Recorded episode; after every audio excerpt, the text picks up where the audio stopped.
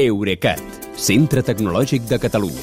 Innovant amb les empreses. Innovant amb tu. Albert Cuesta, bona nit. Bona nit, Kilian.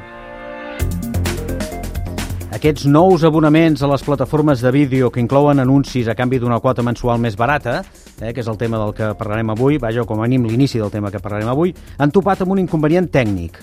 Un de cada sis d'aquests anuncis, dèiem en començar l'informatiu, no el veu ningú. Uh, sí, bé, com per qui no ho sàpiga, que ja ho hem explicat alguna vegada, uh, els grans serveis de streaming uh, ara s'han proposat guanyar abonats abaixant el preu a canvi de fer que vegis anuncis. O sigui, com els canals de televisió convencionals. Com els de sempre, sí. Sí, sí. De fet, entre les, les de vídeo sobre, sota demanda, les de directe, les temàtiques i les que estan vinculades a emissores lineals, com el nostre TV3 La Carta, per exemple, sí. al món hi ha a més de 5.300 plataformes de streaming de vídeo. Són moltes plataformes. Són eh? moltes, perquè tu pensa en la quantitat de canals de televisió que hi ha i totes aquestes que et deia. Mm. Doncs moltes d'aquestes ja t'ensenyen anuncis dins de la programació, però la tendència eh, està accelerant des de que els, no, els grans noms que tots tenim al cap, o sigui, Netflix, Disney+, Plus, han començat a provar això també de posar anuncis en alguns països abans d'ampliar-ho als grans mercats.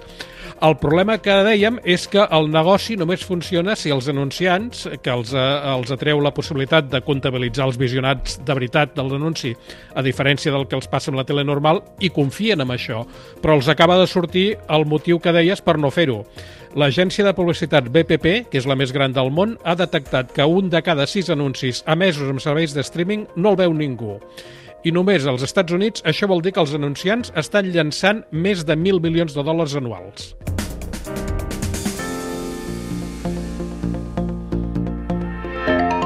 Forma una mica una part del joc, no? Una miqueta, eh? Que els espectadors ignorin els anuncis, una mica, no?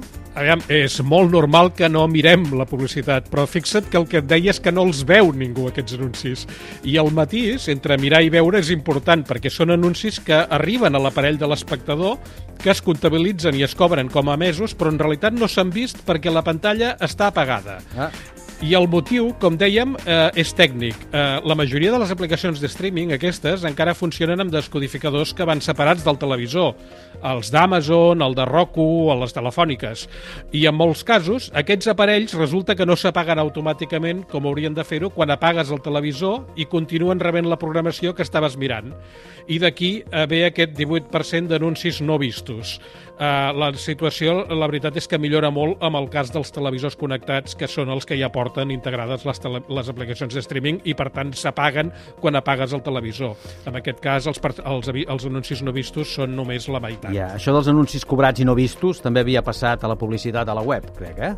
Sí, l'empresa Adobe va calcular fa uns anys que el 28% del trànsit de la web, i això inclou els anuncis, no el generem els humans, sinó que el generen robots, que poden ser els de la indexació dels cercadors o directament bots fraudulents que es fan servir per inflar la quantitat de, visita a les, de visites a les pàgines. Clar.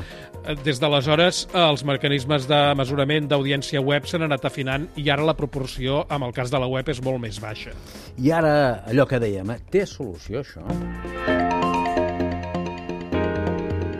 Aquest problema dels anuncis de vídeo emesos i no vistos té remei? Uh, sí, en té un, com a mínim, que és que les aplicacions de streaming et vagin demanant de tant en tant que confirmis amb el comandament si encara ets davant de la pantalla. I si no ho fas, eh, llavors que s'apaguen automàticament i deixin de consumir.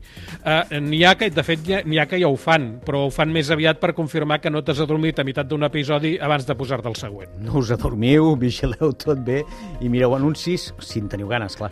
Que vagi bé, Albert, fins demà. Bona nit, Kilian, fins demà. Eurecat, centre tecnològic de Catalunya. Innovant amb les empreses. Innovant amb tu.